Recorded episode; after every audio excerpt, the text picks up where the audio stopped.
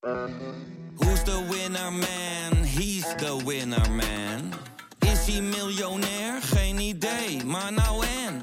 Je hebt geen jackpot nodig to be a winner man. Oh oké, dat is wel lekker man. Liegen over een mondkapjesdeal die je hebt gesloten met de overheid. Een deal waarmee je miljoenen hebt verdiend. Dat doet toch alleen Siewert van Liende? Nou, nee.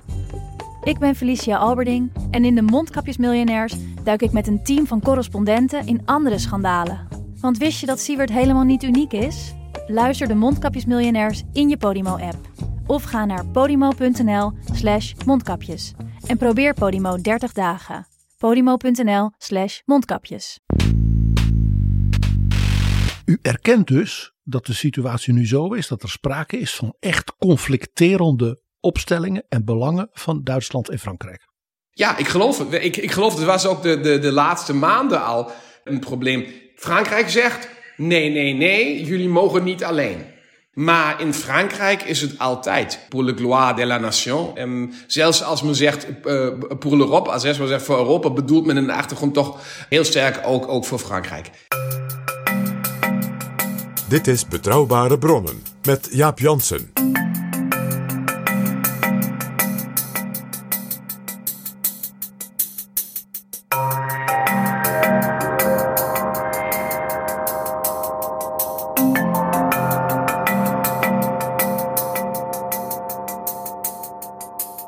Welkom in Betrouwbare Bronnen, aflevering 302. En welkom ook PG. Dag Jaap. PG, we hoorden zojuist Otto Frieke, een van de langst zittende en invloedrijkste leden van de Duitse Bondsdag. Hij is lid van de FDP, de liberale partner van de SPD van bondskanselier Olaf Scholz en van de Groenen, die samen Duitsland regeren. En het ging over de relatie tussen Duitsland en Frankrijk. Want het is ineens zeer scherp naar buiten gekomen. En Frieke, dat kon je horen, die onderstreept dat. Dat er tussen de klassieke partners in Europa, Duitsland en Frankrijk, zeer grote politieke spanningen en zelfs conflicten aan het opdoemen zijn. Terwijl vanuit Nederland gezien Duitsland en Frankrijk vaak als een as, als een motor voor Europa worden gezien. Als die twee niet eensgezind optrekken, dan kan Europa weinig tot stand brengen. Nou, dat hele idee van die Europese samenwerking was helemaal nooit begonnen. Als natuurlijk uh, Schuman, de Franse minister, en Jean Monnet niet met de Duitsers samen, met name, begonnen met die Europese gemeenschap van kolen en staal. En ook echt economisch te gaan delen op dus ook voor de oorlogsvoering essentiële industrieën om ook op die manier te garanderen dat er nooit meer oorlog zou zijn tussen de grote Europese naties. En eigenlijk alle grote stappen en doorbraken in de historie van het naoorlogs Europa en die van de Europese Unie, die kwamen tot stand omdat Parijs en Bonn en later Parijs en Berlijn samen optrokken. Laten we het daar straks over gaan hebben, PG, over die historie. Maar juist op dit moment, in een ongekend spannende crisisfase voor Europa, gaat het niet goed tussen die twee landen. Tussen Macron en Scholz zijn de verhoudingen zo verslechterd dat het ook de andere politieke verhoudingen binnen Europa onder druk zet. Laten we even luisteren naar Emmanuel Macron, de president van Frankrijk, voorafgaand aan de Europese top afgelopen donderdag. C'est de garder l'unité des Européens. Nous devons absolument préserver notre unité, unité d'action face à la crise, unité financière et unité politique dans le contexte de guerre que nous connaissons.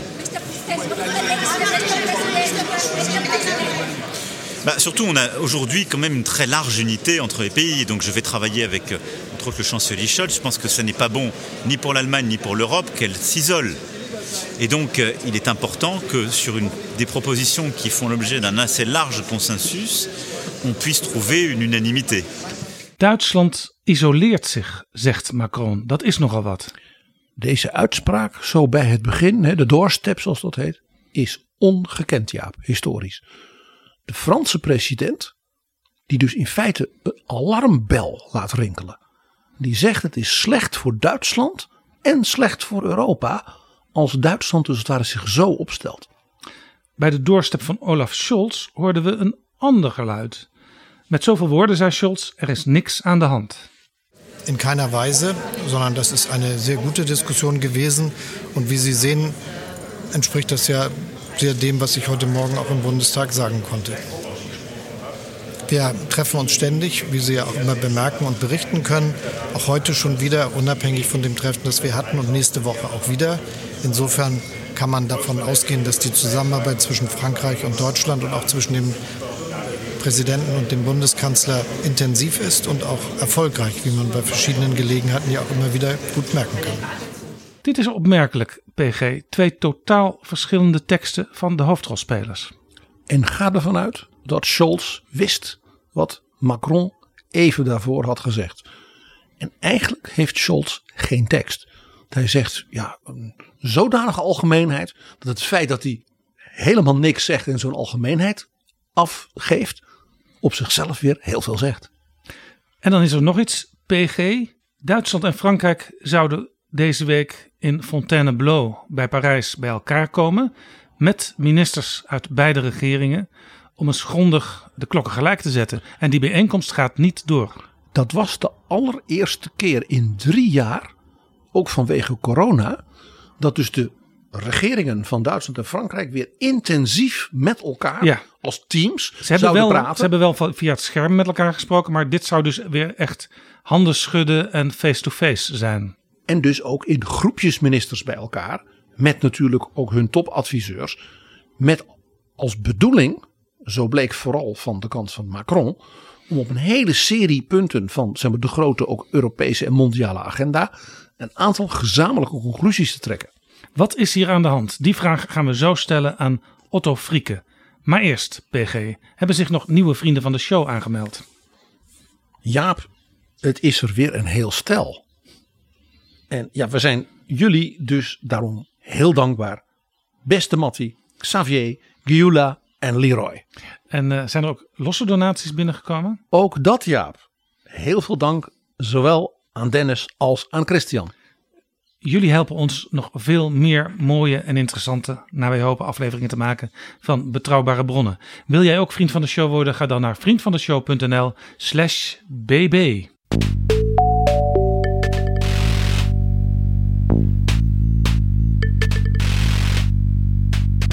PG, we hebben het er al vaker over gehad. De Volkskrant, een prachtkrant. We lezen hem allebei. Politiek nieuws, internationaal nieuws, boeken, wetenschap. Fijne columns van Arnon Grunberg, Peter Middendorp, Sylvia Witteman. Maar ook eh, natuurlijk recensies, kunst, media.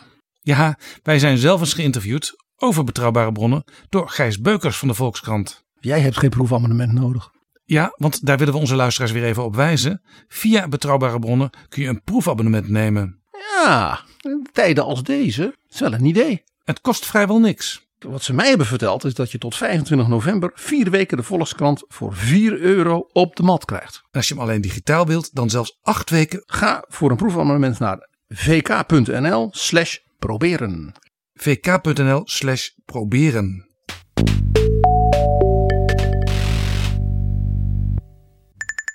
Dit is Betrouwbare Bronnen. PG, we gaan het hebben over de relatie tussen Frankrijk en Duitsland. Dat alarmsignaal van Macron, dat kwam niet uit de lucht vallen.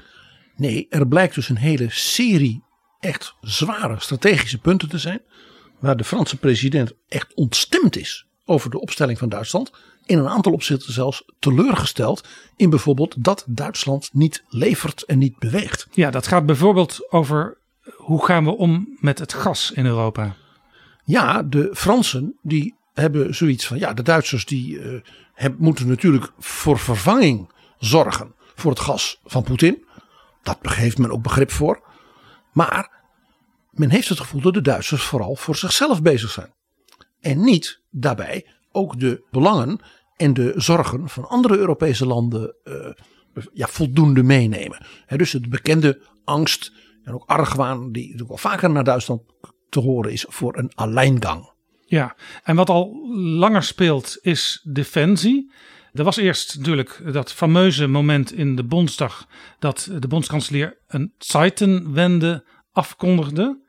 Duitsland ging veel meer investeren, 100 miljard euro in defensie. En Le Monde schrijft nu dat Macron woedend is over Duitsland. Want Duitsland wil samen met een aantal andere Europese landen gevechtsvliegtuigen en luchtverdedigingssystemen gaan aanschaffen. Onder andere met Nederland, met Noorwegen en het Verenigd Koninkrijk. Maar Frankrijk doet vooralsnog niet mee. En de aankopen zullen ook voor een deel in de Verenigde Staten plaatsvinden. En dat terwijl er dus al met vorige Duitse regeringen, onder andere van mevrouw Merkel, dus lange termijn investeringsplannen waren gemaakt van Frankrijk en Duitsland samen. Ook in Franse toptechnologie natuurlijk. En die plannen liggen eigenlijk al heel lang stil. En de Fransen waren al geïrriteerd over de minister Lamprecht van de SPD in Duitsland van Defensie. Omdat die zo'n warrig beleid op dit punt voert. En ze dus niet weten wat ze aan haar hebben. Dus dit is bij Macron echt heel erg het verkeerde keelgat geschoten. PG, en er is ook nog boosheid van Frankrijk en ook andere Europese landen over een steunplan van 200 miljard euro in Duitsland zelf. Dus steunplan voor de burgers. Waarvan men zegt, ja, als Duitsland dat voor zichzelf regelt, dan heeft dat weinig met Europese solidariteit te maken omdat men dan bang is dat Duitsland dan voor andere steunmaatregelen, bijvoorbeeld gezamenlijk in Europa, zegt van ja, daar hebben we nu geen geld meer voor. Dat moeten jullie maar uit andere fondsen halen. Er wordt boos gezegd in Europa, dit is Germany first. Ja, dat is heel hard. De Slovaakse minister van Financiën en Economie, en dat is van een Oost-Europese regering die zeer goed aangeschreven staat, heeft zelfs gezegd: als Duitsland deze koers gaat varen, blazen ze de interne markt op. Dat gaat heel erg ver. Dus in Europa hebben ze het idee: Duitsland is te veel op eigen houtje bezig. En Macron voelt zich blijkbaar geroepen ja, hier de kat de bel aan te binden door de Duitsers uh, misschien wel te confronteren hiermee. In Der Spiegel werd onder andere waarschijnlijk vanuit het Elysée het volgende geciteerd over zeg maar, hoe men aankijkt tegen de aanpak van Scholz. Arroganz, Überheblichkeit Das sind Worte, die immer häufiger fallen, wenn Gesprächspartner im In- und Ausland über die Spitze des deutschen Kanzleramts sprechen. Arrogantie. Überheblichkeit, dat is uh, uh, dominantie. Dus de Duitsers hebben dit door dat er zo over hun gedacht wordt. Dat klinkt dus nu door in de zeer serieuze Duitse media. Je komt het ook in kranten zien als de Süddeutsche, de FAZ en dergelijke. En het opmerkelijke is dus je hoorden dus net Olaf Scholz op die doorstep en die doet alsof er niets aan de hand is. Alle reden PG om hierover te gaan praten met een groot kenner op hoog niveau in Berlijn. Otto Frieke, een van de langstzittende leden van de Bondsdag en ook zeer invloedrijk lid van de huidige regeringscoalitie. Hij is van de Liberalen, van de FDP en werkt dus samen in die coalitie met de SPD van bondskanselier Olaf Scholz en de Groenen. Welkom opnieuw in Betrouwbare Bronnen, Otto Frieke. Otto Frieke, volgens president Emmanuel Macron is Duitsland geïsoleerd in de Europese Unie. Volgens Olaf Scholz valt dat wel mee. Toch is het beeld dat Duitsland op de Europese top moest inbinden. En dan gaat ook nog eens de eerste face-to-face top van de Duitse en Franse regering in Fontainebleau niet door. Wat is hier aan de hand? Nou, ik geloof geïsoleerd zijn we niet. Uh, als ik tenminste mijn Nederlandse vrienden vraag, uh, is er geen, geen antwoord van ja, daar is een in, in isolatie. Of ik naar Oostenrijk ga of, of naar de Scandinavische landen. En zeker is er in ieder land een, een, een beetje ook kritiek. Um, zeker is er ook een, een, een met, met recht bepaalde, bij bepaalde dingen.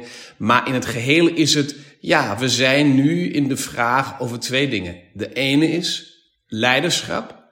En die andere vraag is, wat is uh, het energiebeleid uh, uh, in Europa? Afhankelijk ook van de vraag, wie heeft, heel eenvoudig gezegd, hoeveel geld? Dat is heel helder. Laten we met het tweede beginnen. Wat we misschien zien hier, is dat Duitsland en Frankrijk altijd zoveel mogelijk gezamenlijk op willen trekken. Maar nou juist op dat punt van de energiestrategie, door deze grote crisis, hè, natuurlijk met ook het gas uit Rusland, ineens wel heel duidelijk is dat Duitsland en Frankrijk een volstrekt andere, zeg maar, lange termijn benadering hebben. En ook misschien wel heel veel andere lange termijn belangen. Is dat misschien niet wat hier een essentiële rol speelt. Ja, speelt een essentiële rol. Want uh, ja, kijk eens, ik doe begroting. Ik ben woordvoerder begroting voor, voor mijn fractie sindsdien uh, heel veel jaren lid van het begrotingscomité sindsdien 2002. Aan het eind is het, gaat het over geld. De vraag was, als het dan was, hoeveel betalen we voor energie? Want in een, in een industrieel land als Frankrijk, als, als Duitsland, als Nederland is energie van grote belang. Dus als men minder ervoor betaalt, is het goed. Maar strategisch is natuurlijk ook de vraag erbij, hoe lang betaal je minder als je in de, deze of deze richting gaat? Uh, Frankrijk heeft uh, het besluit gedaan dat ze het ja, bijna totaal langs kernenergie doen. Um, Duitsland had er een, een, een, echt probleem mee. Misschien ook um, reden dat Chernobyl meer in de buurt was uh, uh, voor ons dan voor Frankrijk. Maar de besluit in de Duitse maatschappij was: we willen af van kernenergie. Frankrijk he helemaal anders. Dat was overigens tegen de zin van uw eigen partij, de FDP. We wilden binnen de kernenergie blijven, maar toen we in de regering zaten met, uh, met Angela Merkel en, en, en, en, en, en, en Chernobyl er kwam. En, en dan later ook het Japanse probleem. Dat was veel belangrijker toen we in de regering 2009 tot 13 zaten. Ja, ze, zegden ze heel eenvoudig, beste mensen. Ik zou niet regeren tegen meer dan 80% van de bevolking. Want die hebben toen gezegd, ja, wat in Japan kan gebeuren, kan ook in Duitsland gebeuren. Hoewel uh, het niet vergelijkbaar was. Maar het typisch Duitse sentiment van ja, zekerheid, zekerheid, zekerheid, was uh, weg daarvan. Maar dat bedoelde dan ook, uh, dan hadden we kolen en, en, en gas. Maar daar, aan, daar heeft de bevolking en ook de politiek gezegd, nee, daar willen we ook vanaf. En daar zegt ook mijn partij, op lange termijn moeten we er vanaf. Maar daardoor worden we dan toch meer afhankelijk van het Russische, formaal uh, Sovjet-Unische gas. En daar was het sentiment, het idee, ja, de Sovjet-Unie heeft altijd, zelfs in de tijden van de koudste oorlog, zelfs in Elfstedentocht-winters, uh, hebben ze gezegd, ja, gas gaat komen. Dus dacht men, of wilde men denken, en daar denk ik is het echt precies, wilde men denken en voelen, ja, wat dan ook gebeurt, zelfs met een Poetin, zelfs als die naar de Krim gaat, we krijgen altijd het goedkoop gas. Daardoor een helemaal ander energiebeleid dan Frankrijk, die zeggen, we doen het langs kernenergie. Eh, mag je ook vragen, waar, waar komen die brandstoffen vandaan? Maar dat is een andere vraag. En dat bedoelde dan ook dat op die moment waar men in Duitsland realiseerde... gas vanuit Rusland mag er niet meer, omdat wij als Duitsers zeggen... als uh, Rusland uh, een, een, een, oorlog voert tegen, tegen Oekraïne, uh, dan stoppen we ermee. En bovendien blijkt nu dat, dat Duitsland en ook Nederland misschien te goed gelovig zijn geweest naar Rusland in het verleden. Ja, ja ik zeg niet alleen maar te goed gelovig. Men, men wilde te goed gelovig zijn. Het was zo'n typisch idee van, ja, moet kunnen, zou toch, en dat gaat niet. Daar zit, daar zit het echte probleem. En dat was hetzelfde, zeker ook, voor, voor Nederland. Hoewel Nederland nog het Groningse gasveld heeft, met, met al die problemen die de Duitsers niet snappen. Maar, en hier komt nu het probleem. Nu dat de Duitsers realiseren, oké, okay, uh, goedkoop gas vanuit Rusland is, is, is aan een eind en, en komt zeker ook de komende jaren niet uh, uh, weer erbij. Waar krijgen we dan energie vandaan? Het ene is, we gaan weer in, in kolen, in, in, in bruinkool, in het, in het, in het Rijnische gebied, als men zegt bij ons, en ook in Oost-Duitsland, met een CO2-footprint die ongelooflijk negatief is. En het tweede is natuurlijk, we proberen gas te krijgen van waar dan ook mogelijk. En, en, en daar zegt Frankrijk, ja, eigen probleem, niet ons probleem. Maar als wij dan zeggen, ja goed, maar dan, doen we dan, dan kopen we heel veel gas ook langs de Duitse begroting, zegt Frankrijk dan, ja nee, hey, hey stop, dat is niet goed uh, voor Europa, want dan kunnen die Duitsers weer al die gas, en, en Nederlanders natuurlijk ook, al die gas kopen. En die wordt duurder en duurder. En, en dat zal voor de, de zuidelijke landen, die niet zoveel geld hebben, dan een probleem zijn. Maar heeft Macron en hebben de zuidelijke landen niet een beetje gelijk dat het raar is als uh, bondskanselier Scholz zelf naar Qatar reist, naar Canada, naar de Verenigde Arabische Emiraten om over uh, dat gas te praten. Uh, terwijl er ook ideeën waren en nu ook voor een deel zijn afgesproken om gezamenlijk te handelen als Europa.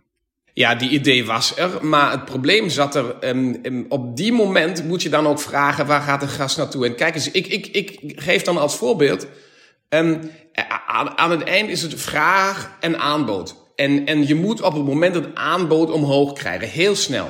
Ja, de, de, de Nederlandse uh, koffermansmaatschappij, wat hebben ze gedaan? Ze hebben gezegd, oké, gaan we in Eemshaven een, een LNG, een, een uh, bouwen, drie, maanden, vier maanden heel snel.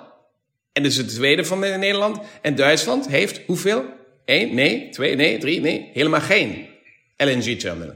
Dus was de idee van Nederland, we gaan het snel bouwen, aanbod gaat omhoog, er komen ook landen die zeggen, ik wil gas verkopen. Dat, dat gebeurde toen ook. En, en daar zie ik tenminste de vraag van Europa is aan het eind niet te zeggen eh, eh, eh, qua eh, eh, eh, snelheid. we wachten tot heel Europa aan een punt is. Maar te zeggen snelheid is mogelijk. Weliswaar, als we dan aan het eind vragen hebben dat er iemand te zwak is, moeten we binnen Europa over nadenken hoe we de sterkere de zwakkere dan, dan ook uh, helpen um, om een oplossing te vinden. Maar als we hadden gewacht, ja, dan waren we misschien uh, tijdens de wereldkampioenschap in Qatar met een uh, groep van mensen daar. En dat, was, dat zou zeker te laat zijn. Dus helemaal niet eens. En ik geloof ook niet dat Frankrijk zou wachten als de als ze nieuwe kernbrandstof nodig hebben, te zeggen: Oh, laat ons die kernbrandstof toch Europees samen doen en in Algerië of waar ze het ook vandaan krijgen, samen daar te vragen of we het gaan doen. Uh, en dus men moet aan het eind proberen te vergelijken. Wel snap ik dat men vreesde in Frankrijk, de Duitsers met hun, uh, hun economische kracht, die gaan dan heel snel alle, alle dingen opkopen en, en, dan is er niets meer. Maar dat is een dat denk ik is een heel fout idee, uh, want als men realiseert dat er meer mensen gas vanuit Qatar, Saudi-Arabië, Noorwegen of zo gaan kopen, zullen die landen ook zeggen: oké, hoe kunnen we dan meer produceren? Zeker ook om, om meer geld te verdienen. En dat is wat ook op het moment gebeurt. Groetjes naar Amerika en Canada. U zegt dus eigenlijk de pogingen van de Duitse regering om elders in de wereld alternatieve bronnen van gas te vinden voor het gas van Poetin, waren geen alleingang. Nee, zeker geen alleingang, want het, dat moet men ook in de achtergrond zien. Dat zou dan nooit gas zijn die alleen maar naar Duitsland komt, maar van Duitsland wordt het ook verdeeld. We hebben aan het eind, dat vergeten de mensen, een Europees gasmarkt. Hè? Hoezo zeggen we Duitsers dan ook, kan er niet ook een pijplijn van Spanje door Frankrijk naar Duitsland, België en zo ver en zo ver komen? En dat is dan ook een, een gaspijplijn die gaat in twee richtingen. Hè? Zelfs als Spanje nou een probleem zou hebben, hebben we het dan ook te zeggen. Ja, als we Duitsers gas bij ons dan hebben, dan gaat het alleen maar binnen Duitsland. Nee, dat werkt niet. En kijk zelfs tussen ons twee landen. Het, het laagkalorisch gas van het Groningsveld. Ja, heel veel delen van het westen van Duitsland krijgen gas vandaan. En dan moeten wij ook op die moment waar we meer, meer inkopen en het meer is dan we nodig hebben, moet dan ook het gas natuurlijk ook in andere landen komen. En zelfs als we meer gas nodig hebben, blijft het toch dan een centraal gassysteem. En uh, dat kun je ook aan het, aan het, aan het verschuiving van, van het sentiment zien als het over het gasveld ten noorden uh, van Balkum uh, gaat. Waar vroeger de Duitsers de laatste vier jaar hebben gezegd, behalve de FDP moet ik zeggen, hebben gezegd, nee, hebben we niet nodig. We gaan naar alternatieve energieën. Rusland hebben we altijd. En nu, binnen een half jaar, zegt men: Oké, beste Nederlandse vrienden, jullie hebben de techniek en, en, en, en de ideeën hoe men um, dit gas kan binnen één jaar halen. Laat het ons maar doen. Ons maar doen. Nu zagen we bij de Eurotop dat men toch een aantal stappen heeft gezet om een soort gezamenlijke aanpak te komen, inclusief ook gezamenlijke uh, aankoop van uh, energie. En daarbij werd gezegd, ja, het was toch vooral Olaf Scholz die voortdurend blokkeerde en pas op het laatste moment zei nou vooruit dan maar. Wekt dat toch niet de indruk dat de Duitsers uh, ja, inderdaad wel geïsoleerd staan? De indruk wekt het op eerste manier wel, maar men moet wel zien als we met, met, met andere landen spreken, dan zeggen ze ja nee is goed dat jullie Duitsers daar die zijn die in de conflict zitten. Jullie zijn de sterke, grote economische macht. Dus ja, eh, op Duits zeg je al vaak, Hanneman, geh du voran. Hè? Ja, zo een soort van, uh, uh, Jan ga je het eerst, uh, je bent de sterkste en de grootste.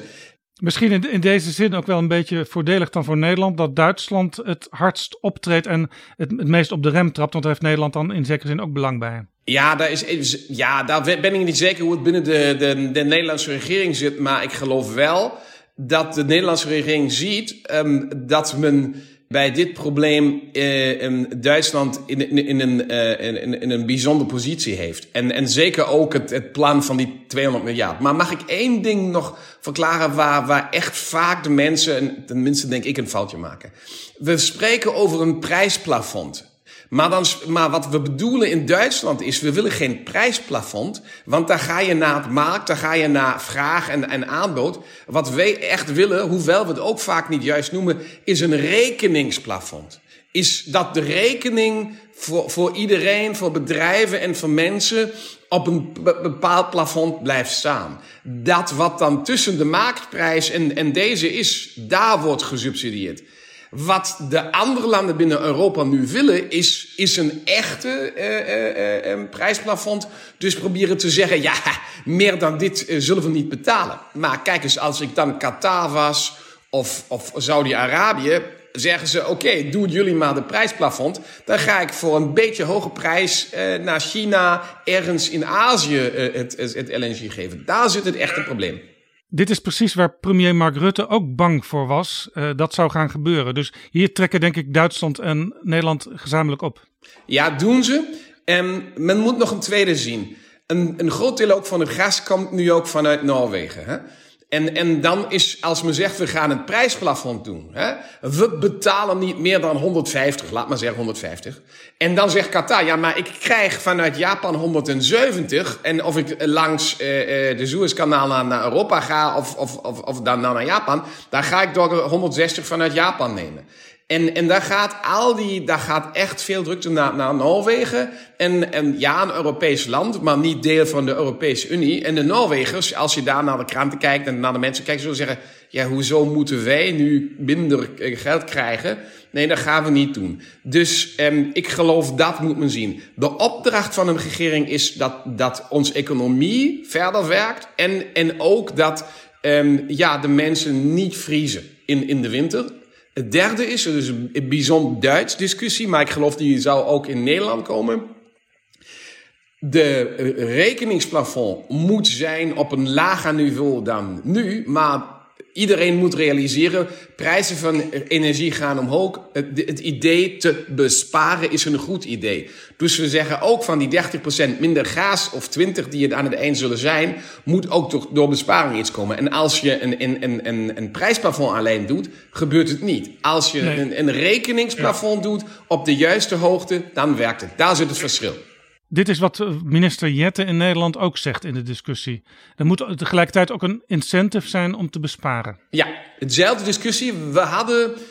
Kijk eens, in Duitsland hebben we nu die 200 miljard. Daar heeft heel Europa gezegd: ongelooflijk veel. Kan je dat zonder, zonder de rest van Europa doen? Maar toen ik dan verklaar, maar ja, kijk eens per capita is het niet zoveel. Dan zeggen ze, maar 200 miljard voor één winter. Dan zeg ik, nee, die 200 miljard zijn voor de winter 22, 23. Ze zijn voor het jaar 23 om, om, om meer elektriciteit en deze dingen te hebben. En voor de winter 23, 24. En als je dat dan per capita vergelijkt met andere landen binnen Europa, dan zijn we ook niet hoger. Het enige verschil is de hoge, uh, hoge absolute cijfer. Overigens, u zegt uh, je moet de interne Europese markt goed laten functioneren. Dus geen plafond op de prijs leggen. Maar juist over dat 200 miljard steunplan zeiden bijvoorbeeld Thierry Breton en Paolo Gentiloni van de Europese Commissie in een artikel in de Irish Times dat uh, juist dat vraagteken stelt bij de Europese solidariteit. Juist dat dreigt de interne markt te fragmenteren. Als het per capita hoger was dan de plannen in Italië, had ik erover nagedacht. Als het hoger was dan de plannen in ja, het doorsnee van, ik geloof, 19 landen van de Europese Unie hebben nu zo'n zo, zo subsidieplan. Dat zijn subsidies aan het eind. Ja, als het veel hoger was, dan ja. Maar, maar dat is het niet. Uh, we zijn daar in doorsnee. Het probleem is natuurlijk, als een land met meer dan 80 miljoen inwoners en een sterke industrie dat doet, dan is het fijn. En misschien nog een tweede.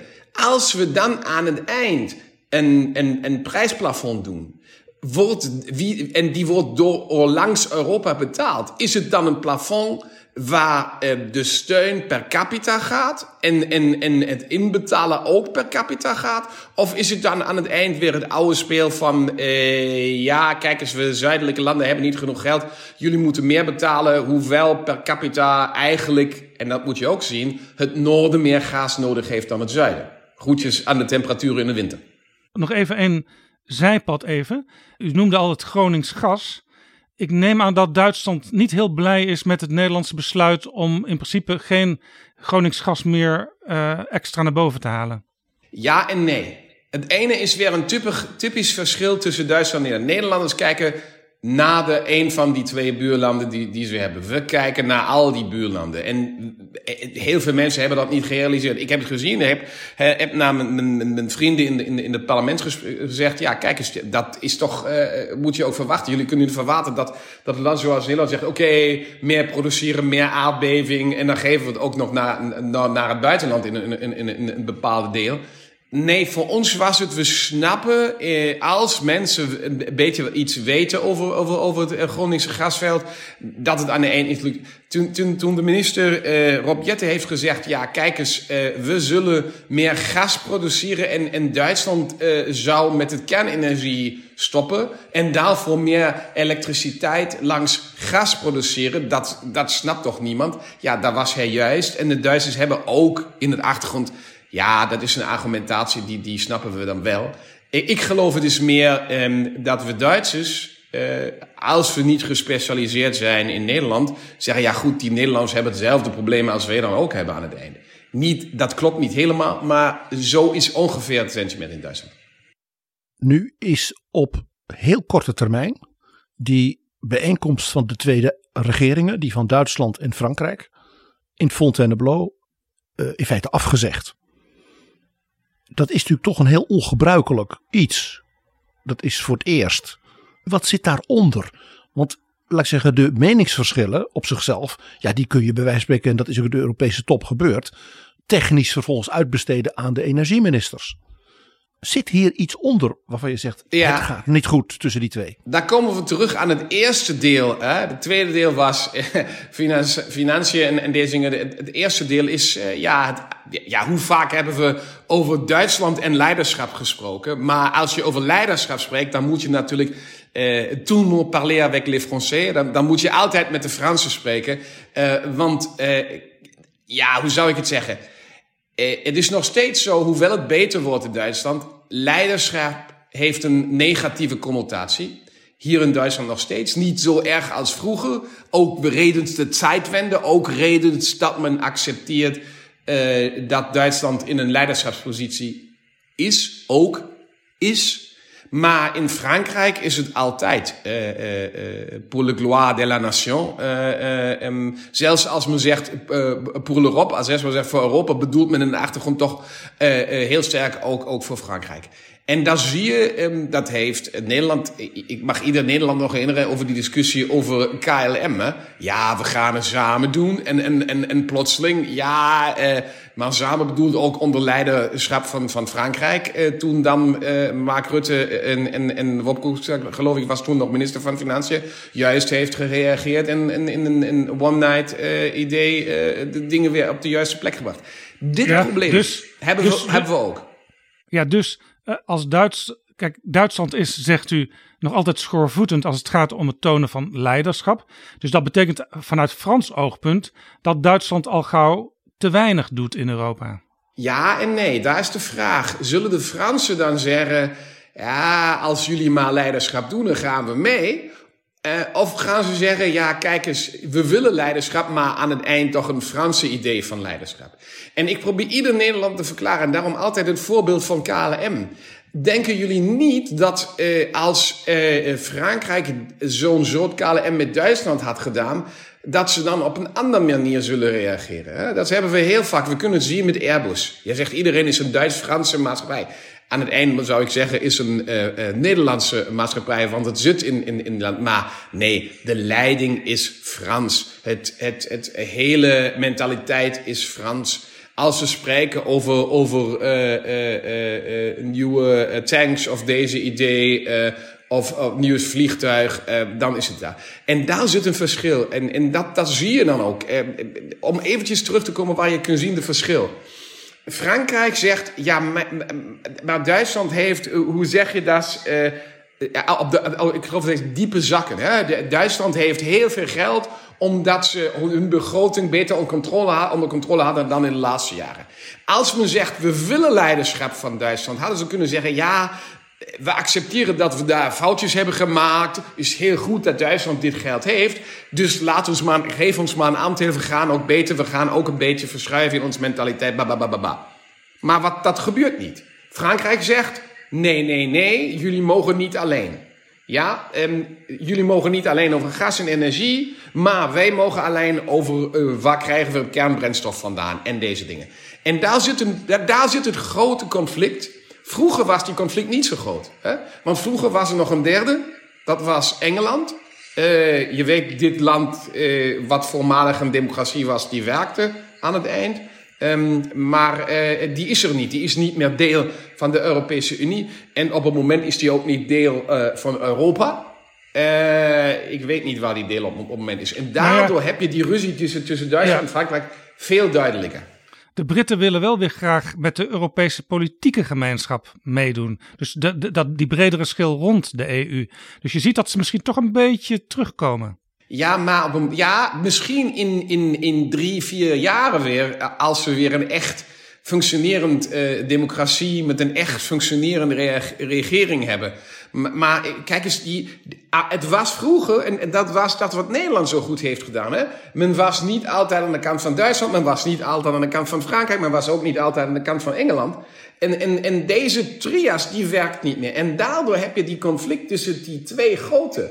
Die een die economisch veel, veel groter is eh, dan, dan die ander. Maar die ander die qua, qua leiderschapsidee, qua uh, een nationale idee van waar willen wij naartoe veel groter is. En deze conflict, die is het, het is echt het, het grote conflict in de achtergrond. En dus, over die dus vraag wat, welke soort van Europa we willen hebben. U erkent dus dat de situatie nu zo is dat er sprake is van echt conflicterende opstellingen en belangen van Duitsland en Frankrijk. Ja, ik geloof het. Ik, ik geloof het was ook de, de, de laatste maanden al uh, een probleem. Maar kijk eens, daar, daar zijn we wat typisch uh, Europa. Uh, deze, deze top in Fontainebleau, uh, ja, dat doet men als men zegt dat is een manier om op, op Europese manier politiek te doen. Ik denk voor Duitsers is het niet de manier. Hè? Laat eens spreken, kletsen of, wat, wat dan ook. Maar laat ons met een communicatie doen. En Frankrijk doet het vaak van eh, wat willen we dan nu? Hè? Waar willen we? Dat is niet de manier we willen. Gaan we eerst instappen. En, en deze is goed. Dat zeg ik als iemand waar de grootmoeder geboren is in Straatsburg. Dus waar, waar ook een familiaire relatie met Frankrijk is. Die studeerd heeft in het zuidwesten aan de grens naar Frankrijk en daar vaak was. En, en voor die het, het, het, Franse cultuur een, deel van de Europese cultuur is. Ik vond een zeer interessante uh, beschouwing in de Franse media. En uit het artikel was het volkomen helder dat de informatie en de achtergronden daarvan kwamen van Bruno Le Maire. De Franse minister van Economie en Financiën. En die staat bekend als Germanophile, zoals dat zo mooi heet. En die zei: Wat wij merken nu, is dat er een hele belangrijke soort generatiewisseling in Duitsland is.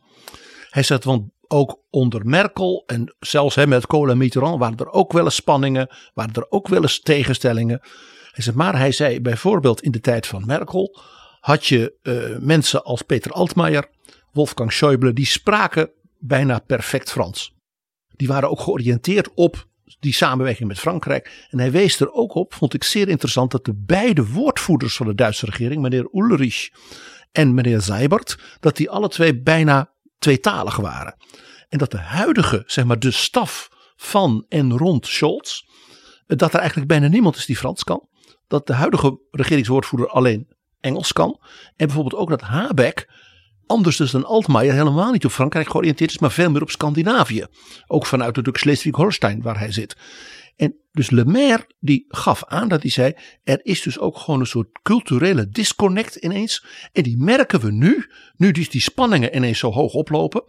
Dat wat vroeger dan altijd weer, ja, toch een soort begrip en een soort culturele verbinding was, dat dat nu er niet is. En dat het voor Macron ook heel moeilijk is om door te dringen, als het ware, tot Olaf Scholz. Herkent u dit? Ja, dat herken ik. Uh, il n'y a pas beaucoup de personnes qui parlent français dans le gouvernement uh, français. En zelfs ik heb alleen maar een jaar Frans op school gehad. Hoezo is dat zo? Eén, uh, het oude Bundesrepubliek, het Bonner Republiek, was nog meer westers. En er waren heel veel mensen vanuit Baden-Württemberg, dus van de grens, waar Frans... Rijnland-Pfalz. Ja, en Rijnland-Pfalz met, met Helmut Kohl. En het Zaarland, dat uh, zo francofiel uh, binnen Duitsland was. Ja, goed, en dan heb je natuurlijk ook taaltalenten zoals Peter Altmaier. Zijn er ook in Nederland, die worden dan commissarissen in, in, in, in Brussel. Um, en, en, en daar is zeker uh, binnen de regering uh, uh, een verschuiving. Is dat een verschuiving waar je van de vraag van hoe goed spreken de Frans ook een, een, een verschuiving is van hoe sterk zijn ze geïnteresseerd in Frankrijk? Ja, ik ben er niet zeker. Maar het klopt dat de nieuwe generatie minder francofiel is uh, dan de oude generatie. Maar dat bedoelt aan het eind niet dat men tegen uh, Frankrijk is. Maar, en daar ziet men dan het probleem, men snapt niet zo snel dat bepaalde dingen die Franse politici doen niet zo bedoeld zijn als men dat in Duitsland zou denken als het een Duits politicus had gedaan. Dat is die culturele disconnect. Ja, die, ja en, die, is, en die heeft heel veel met twee dingen te doen. Uh, de ene is uh, uh, zeker het oude leiderschap. Maar het andere is ook ja, patriotisme, nationalisme. We hebben daar in Duitsland redensgeschiedenis en dat zal blijven. Zelfs de komende 50, 100 jaar hebben we daar iets waar we weten waar, waar een foute patriotisme begonnen uh, voor de Eerste Wereldoorlog aan het eind van de Tweede Wereldoorlog in de totale uh, uh, ja, collaps. Ja, collaps zou voeren. En, en dat hebben we nog steeds. Dus we kijken altijd een beetje naar de overheid van, oh, niet zo zeker, is dat wat men juist doet? En ja, niet te veel nationalisme en, en ook geen militair te sterk. En al dat is in Frankrijk omdat men zichzelf ziet als een van de winnaars van de Tweede Wereldoorlog. Ja, aan het eind zeker. Uh, maar als we naar de oorlog zelfs kijken, moeten we, weten we ook wat, wat er gebeurd is. Als we naar het Vichy-regime kijken, dan, dan, dan weten we ook uh, uh, wat daar was. maar men, heeft een, een, een, een, een, men, men is overtuigd dat men op de juiste kant zit. En, en dat is geloof ik de, de, de grote verschil tussen die, die twee landen. Als je, of je van een positie komt, ik denk dat ik weet wat juist is, of van is dat werkelijk juist wat we gaan doen.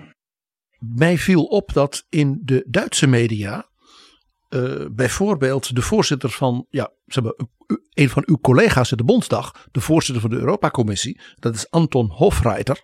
En dat is een belangrijke politiek zwaargewicht bij de Groenen, dat die zeer kritisch was over Olaf Scholz. Ik uh, lees vor. Wenn das deutsch-französische Tandem nicht funktioniert, haben wir weer ein Problem in Europa. Dem Bundeskanzler komt hier eine entscheidende Rolle zu. En hij zegt het is de verantwoordelijkheid van Scholz de verstandhouding met Macron wieder gerade zu rücken. Bent u dat met hem eens? Nee, dan moeten die twee samen doen. Um, dat is zoiets. Maar, want op die moment waar je zegt Scholz moet het doen, was het Scholz fout. Of als het niet Scholz was, zeg je Scholz is de leider die de oplossing moet vinden. En dan is het ook weer niet goed met de Fransen. Het beeld van een tandem is echt, echt een mooi beeld. Want daar zit alleen maar één mens aan het stuur. Hm. Ja? En, en, en, en dat weet je ook met de tandem. Als die, en, en die kan niet zien of die achtergaan nog echt haat uh, uh, uh, werkt om, om sneller te worden. Dus het, het beeld van een tandem is niet zo'n zo'n mooie. Ik, ik zeg altijd, uh, dat is, het is beter te zeggen, zit je, zit je met z'n tweeën in een, in, in, in, in, in een rooiboot. Uh, uh, want daar, daar, daar zijn, is men werkelijk afhankelijk waar het naartoe gaat, ieder van die ander. Dat is beter dan een ja. tandem. Tandem is een slechte oplossing voor Europa. Tenminste voor de leiderschap. Maar wijst dit er niet op dat ook binnen de Ampelcoalitie, dus SPD, Groenen, FDP, waar u van bent, er dus blijkbaar aanzienlijke ja, inschattingsverschillen zijn, verschillen van mening over hoe men naar de huidige situatie moet kijken? Ja, zijn ze. Maar ik zou zeggen, het grotere probleem zit weer in de achtergrond van het tweede uh, subject wat we hadden, energie. We hebben met de Groenen een partij die in de opiniepeilingen bij bijna 20% is. Hè. Vergelijk, er zijn 30 zetels in de Tweede Kamer, dus niet een klein partij. Um, en um, dat uh, de Groenen in, in, ja, in, in hun eigen genetisch code hebben ze uh, uitstappen uit de kernenergie. Dus daardoor is die vraag wat gebeurt deze winter tot april um, uh, uh, voor de vraag dat de bondskanselier gezegd heeft: nee, we blijven met de drie kerncentrales blijven nog aan zitten, omdat we anders niet genoeg gas hebben. Ik denk dat is ook logisch. Maar het gaat echt tegen de, de, het, het hart van, van de Groenen. Daardoor is dan ook over de vraag hoe gaat men strijden met Frankrijk een probleem. Hoe, we hebben heel veel, vaak tweets van, van groenen die zeggen: ja, maar kijk naar Frankrijk. Hè. We moeten nu, was tijdens de zomer, energie gaan leveren naar, naar, naar Frankrijk, omdat die kerncentrales zo kapot zijn. Ja, nou, waren die werkelijk kapot? Of zegt Frankrijk: nee, kijk eens, beste vrienden, jullie hebben niet gesnapt de verwarming in Frankrijk gaat heel veel langs elektriciteit. Dus we hebben die in de winter nodig. Dus we gaan stoppen. En jullie Duitsers met heel veel wind en solar kunnen langs de dag heel veel elektriciteit naar Frankrijk geven. En we zullen gaan zien, en daar ben ik ook benieuwd, hoe dat verder gaat in de komende weken en maanden. Want gisteren, dag voor gisteren, en ik geloof ook vandaag, komt er meer energie van Frankrijk naar Duitsland dan van Duitsland naar Frankrijk. En dit, deze soort problemen, die zitten dan ook een beetje natuurlijk uh, binnen. Over de vraag, hebben we Europa nodig, hebben we Frankrijk nodig? Ja. Uh, met Frankrijk in de leiderschapspositie, uh, nee, samen, ja. Dat is, dat is binnen de regering tenminste echt, het, het, tenminste op tot nu toe die oplossing. U zei net, wat eigenlijk ontbreekt nu in Europa is een derde land, uh, zodat er een triangel ontstaat en dat je nooit uh, zo hard tegenover elkaar staat als Frankrijk en Duitsland nu staan. Er was even het idee dat Mario Draghi in Italië een belangrijke rol kon spelen als derde land. Maar ja, dat idee is nu verdwenen. Ziet u een ander land of andere landen misschien samen opkomen om die rol te spelen? En is hier misschien ook een rol weggelegd voor premier Mark Rutte? Nou ja, het probleem is, kijk eens, um, nu dat uh, mevrouw Meloni minister-president van Italië is geworden, heeft men, en dat denk ik zullen Europeanen ook doen, uh, uh, gratuleerd u gezegd, ja fijn, laat ons samenwerken voor Europa, bababa, bedankt meneer Draghi. In Duitsland is er een discussie, hoezo heeft Scholz dat gedaan? Die is een neofascist, mag je niet doen? Ja, en daar zit je dan. En dan is natuurlijk ook de vraag, uh, hoe gaat Meloni tegen Europa aan? Hè? Dat wat ze in. Dan moet, je voor altijd kijken. Wat doet men tijdens een campagne en wat doe je als je aan de regering bent? Zij even met ja, typisch politicus dat hij het zegt, maar zo is het. Omdat de kiezer ook zegt: ik wil een positie tijdens de campagne horen en ik weet aan het eind moet een compromis uh, dan ook worden gevonden. Dat is ene. Dus daar zie ik Italië op het moment nog niet.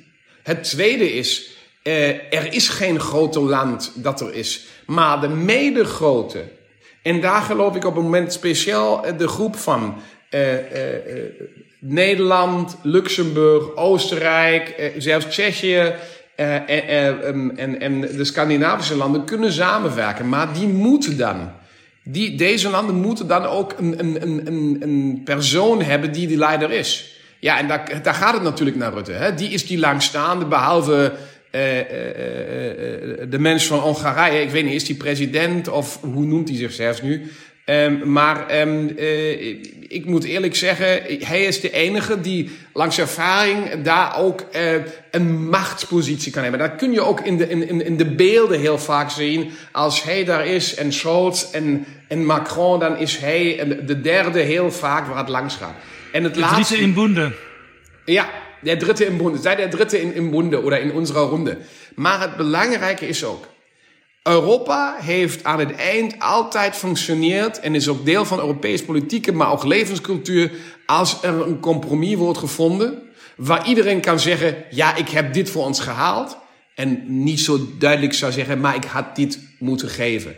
En dat werkt alleen maar als er iemand is, niet een soort scheidsrechter, maar een derde die zegt, maar, maar kan die compromis niet een oplossing zijn? En dan zeggen die andere twee, ja goed, dat is voor ons de voordeel daar en dat is voor daar, oké, gaan we die compromis doen. Daar zit hij dan in, zeker in een, in een sterke positie. En, en kijk eens, aan het einde is politiek nog heel vaak ook een sms'je doen, een, een, een kort gesprek. Zeg, eh, als we een beetje meer 20, eh, meer 20 naar links gaan en, en 5 kilometer sneller, is dat dan een oplossing? Oh, 4 kilometer en 19, oké.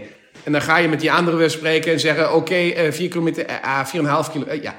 Daar zit het en daar moet iemand zijn. Dat kan in de Europese Commissie zitten, maar die zie ik er op het moment niet sterk. Die heeft ook de hele zomer, ik dacht de hele zomer, wanneer, op welk moment komt de Europese Commissie en zegt: We gaan dit en dit en dit tijdens de zomer doen, hè? Uh, uh, monsieur Macron, Olaf Scholz, geen vakantie, maar Brussel. Er is wel een, een, een landgenote van u, voorzitter van de Europese Commissie, uh, president Ursula von der Leyen. Ja, klopt. Maar toch te weinig. Ik vond het te weinig. En ik kijk eens, hoewel ik Ursula heel lang ken. Ik vind, ik weet ook hoe, hoe, hoe, hoe welke problemen er zitten tussen, tussen de commissie aan de ene kant en, en, en de ministers aan de andere kant. En, en, en, en dat zie ik. Maar leiderschap. Als ik zeg aan het einde, ik wil meer Europa, bedoelt ook dan te riskeren dat Macron en Scholz zeggen: nee, gaan we niet doen. Maar dan kan later dan de president van een commissie zeggen: hé, hé, ik heb het gezegd, jullie twee jongetjes hebben het niet gedaan. Kom maar even naar moeder en dan gaan we het oplossen op die manier hoe ik dat juist vind. Sorry voor het eenvoudig, maar ik denk beeldjes zijn aan het eind wat blijft in, in de hoofd. En, en daar zie ik het probleem, dat hebben we nog niet. En dat heeft natuurlijk ook iets ermee te doen uh, dat uh, Jean-Michel dan vaak zegt: uh, Nee, ik ook. Ik, ik, ik heb ook nog iets erbij te zeggen. En daar heb je dan, kan je op een bepaalde manier zeggen, het vergelijkbaar probleem op Europees niveau. dat we tussen die twee landen dan hebben. en daar zie ik tenminste ook een van die redenen hoezo, ja, mag je zeggen, geen leiderschap met Europa is. Mag ik hier een wat kritische notitie bij plaatsen? Want we hebben het over de heer Macron. We hebben het over Charles Michel, waarvan u ook zegt, ja, die speelt dan ook niet een hele krachtige uh, rol. Uh, we hebben het over Mark Rutte. we hebben het over uw, par uw partijleider en de vicepremier Christian Lindner. Die zijn allemaal van de liberale club in Europa. Zouden die niet met elkaar eens gewoon, nou ja, tacheles reden, zoals de Duitsers dat zo mooi noemen.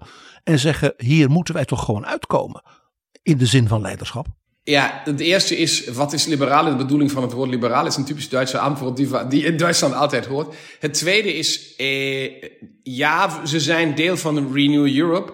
Maar ik ben, als ik kijk en als ik, als ik naar Brussel ga en dan eh, met mensen eh, in, de fractie spreek, niet alleen maar vanuit Duitsland, maar ook van andere landen, dan zie je hoe groot die verschillen zijn. Maar ik geloof het grootste probleem is dat de liberaal uh, een, een soort mens is die uh, organiseerdheid langs autoriteit, daar houdt hij niet zo, zo sterk van. Dat is geloof ik een van de grootste zwaktepunten van liberalen, ook binnen Europa, te zeggen nee, we moeten altijd iedereen met zijn idee. Maar dan moet je aan het eind samen vinden zeggen, wat is de idee? En, en dat, dat zie ik op het moment niet. En ik, ik ben er, dus zal ik eerlijk zeggen, voor mij is ook uh, de Franse president is deel van Renew Europe, maar is hij een liberale in het idee van, van, van de FDP? Of ja, de twee zuspartijen in Nederland, van, die ook al verschil hebben tussen, tussen uh, liberaal VVD en liberaal D66. Ja, groot verschil.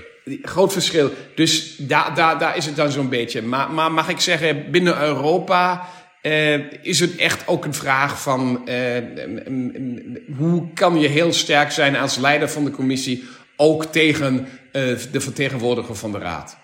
Ja, tot slot, uh, die bijeenkomst in Fontainebleau deze week gaat niet door. Maar in januari bestaat het Elysée-verdrag 60 jaar. En dan is de bedoeling dat er wel een bijeenkomst is. Ja, ja, daar ben ik heel zeker van. Want we hebben, ik heb al twee keer, uh, uh, tien jaar geleden heb ik meegedaan. Uh, daar waar, dat was in, in, in, in Duitsland, in het Paul Leubehaus, in het parlementsgebouw. Heel groot diner en goed gesprek. Um, en um, ik geloof het 40-jaarste was, was, er, was er ook in Frankrijk. Dus ik geloof deze keer is het weer in Frankrijk. Dat zou zeker gebeuren. Want als dat niet gebeurt, hebben we de symbolen niet, hebben we niet het samenwerken.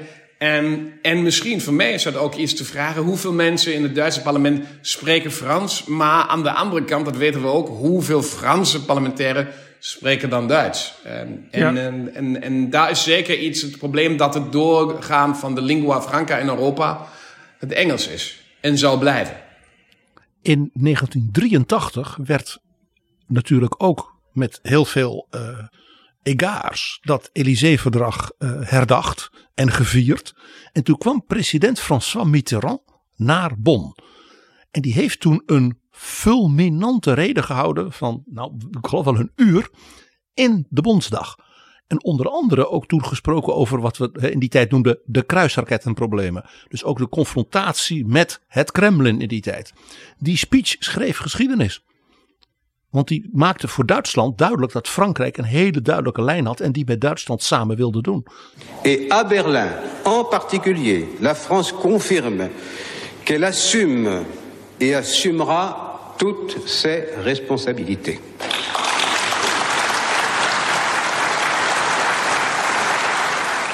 Zou Macron niet gewoon naar Berlijn moeten komen en ook eens zo'n speech houden? Nou, ja, dat was zeker ook een idee als dat gebeurde. Ehm, Want tien jaar geleden heeft de Franse president dat ook in het Duitse parlement gedaan. Daar zit dan het probleem dat het nu in Frankrijk misschien zou zijn, als ik, als ik me herinner. Want eh 2003 was het in, in, in, eh, in Frankrijk, in Parijs. Eh eh, was vreselijk koud, ik herinner me nog. Tien jaar geleden was het in, in Berlijn. Dus eh, nee, ik zie het op een andere manier.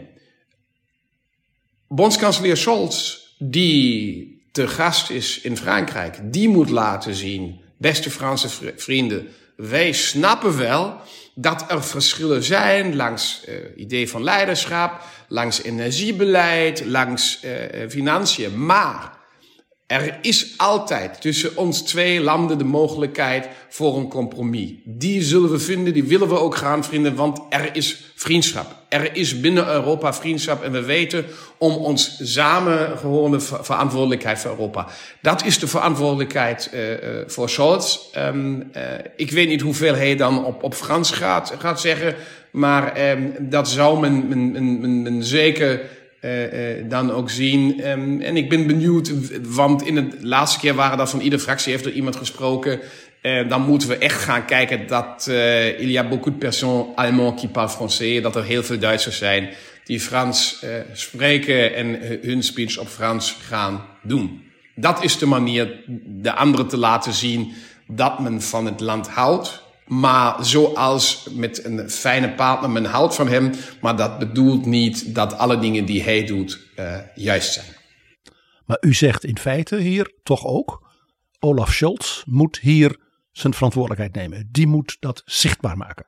Ja, moet hij. Dat weet hij ook. Kijk eens, ik, ik, ik ken Olaf Scholz nu al het, het vijfde jaar. Hij was minister van Financiën. Ik was wel in die eerste vier jaren eh, woordvoerder begroting van, van een oppositiepartij. Maar toch, ja, dan spreek je met elkaar. Je spreekt ook met de mensen om en heen. En, en, en, en toen we dan in de, in de coalitie eh, overeenkomsten zaten...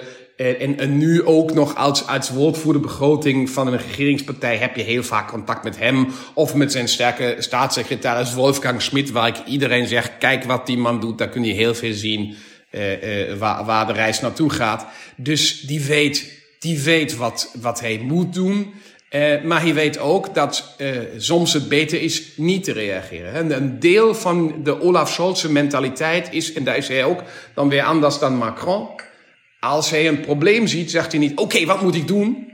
Maar hij zegt: Let op, moet ik iets doen? En eerst als hij dan aan een positie komt van hij moet, dan gaat hij ook reageren.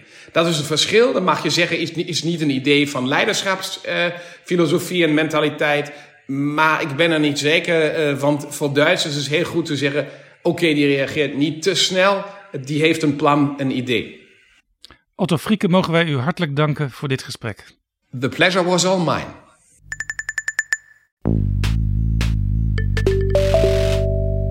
Dit is Betrouwbare Bronnen, een podcast met betrouwbare bronnen. PG, weet jij nog dat we afgelopen zomer reclame maakten voor Bamigo van die polo's en boxershorts? Van die panda's. Ja, precies. Van die bamboekleding. Oh ja, dat weet ik zeker nog, Jaap. En dat is Bamigo zo goed bevallen dat ze graag willen dat wij er weer eens een keer op wijzen. Op dat merk, op dat prachtige merk. Nou, mij beviel die paar dingetjes die ze ons toen toestuurden ook heel erg goed, eerlijk gezegd, persoonlijk. Ja, en ze hebben tegenwoordig ook t-shirts en sokken en joggingbroeken. Dus eigenlijk alle essentiële kleding die je nodig hebt, die leveren zij tegenwoordig. En allemaal van bamboe. Ja, dat zelf ontwikkelde bamboe, wat zo heerlijk zacht blijft, ook als je het vaak wast. En waardoor je kleding nooit meer stijf zit. En ik heb van de mensen van Bamimco iets heel boeiends gelezen. Het werkt namelijk heel anders dan zeg maar, de klassieke textiel. Je hebt daarvoor geen kunstmatige bewatering nodig. Terwijl bijvoorbeeld voor katoen je 10.000 liter water per kilo nodig hebt, wat Zoveel? vervuilend is. 10.000 Ja. liter water per kilo. Het is dus echt heel duurzaam geproduceerd. ja, en het heeft geen pesticiden of insecticiden nodig. Dus alleen al om die reden, PG, zou je overgaan tot het aanschaffen van een boxershort, een polo, een joggingbroek, Overhemden zelfs. sokken. Overhemden hebben ze ook. Ja, zeker, zeker. Nou, lijkt me iets voor onze luisteraars van Betrouwbare Ja. Jaap. Want als jij nu een eerste bestelling doet bij Bamigo, dan kun je via Betrouwbare Bronnen 25% korting krijgen op je eerste order. Exclusief voor luisteraars van Betrouwbare Bronnen met de code BRON25. Dus let op, BRON25. Bron 25. Bamigo. Jaap Jansen en Pieter Gerrit Kroeger duiken in de politieke geschiedenis. PG, in januari vieren Duitsland en Frankrijk 60 jaar samenwerking. Ja, dan is het precies 60 jaar geleden dat de Gaulle en Adenauer het zogenaamde Élysée-verdrag tekenden. En dat was zeker voor de toen al hoogbejaarde Adenauer een soort hoogtepunt van hoe hij Duitsland vanaf 1949, dus 14 jaar daarvoor, teruggebracht had. Zowel natuurlijk als grote en machtige economie, maar vooral ook als gerespecteerde partner in Europa. Dat blijft natuurlijk toch, Jaap, een van de meest grote politieke prestaties van de hele 20e eeuw. Ja. Adenauer deed. Want eh, het nationaal socialisme was natuurlijk overwonnen in Europa. En de Duitsers die, ja, die zaten in zak en as, letterlijk en figuurlijk. En via Europa en ook via de NAVO konden ze weer terugkomen in de internationale gemeenschap. Er was ook een wirtschaftswunder onder leiding van Adenauer. Het ging met de economie heel erg goed. Dus Adenauer, 60 jaar geleden, kon tevreden zijn. En had dus met generaal Charles de Gaulle een soort partnerschap ontwikkeld. Waardoor ook de verzoening en samenwerking en ook vertrouwen tussen Duitsland en Frankrijk weer mogelijk waren. En dat was natuurlijk toch zo kort na de verschrikkingen van de Tweede Wereldoorlog heel bijzonder. Dus in 63 hebben die twee oude heren, want dat waren ze alle twee, dat verdrag getekend. En dat betekende dus dat ze ook zeiden van Duitsland en Frankrijk moeten echte strategische bondgenoten zijn. Dus niet alleen maar we werken samen met dat dossier en dat dossier. Nee, een echt strategische alliantie van deze twee landen. En daar had Adenauer heel hard ook voor gewerkt. Want gedurende de jaren 50 probeerde Adenauer al voortdurend met Frankrijk veel dingen te doen.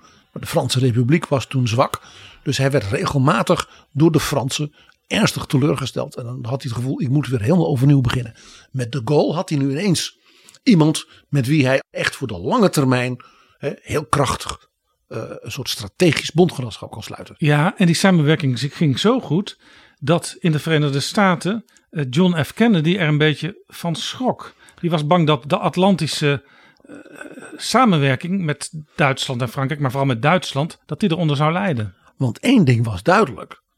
In dat verdrag, Jaap, wordt de NATO en al die andere westerse samenwerking in het geheel niet genoemd. Het was puur Frankrijk en Duitsland, let ook op die volgorde. Daarbij was ook zo heel duidelijk dat de Gaulle altijd zei, kijk, Frankrijk en Duitsland moeten die, dat, dat samen gaan doen.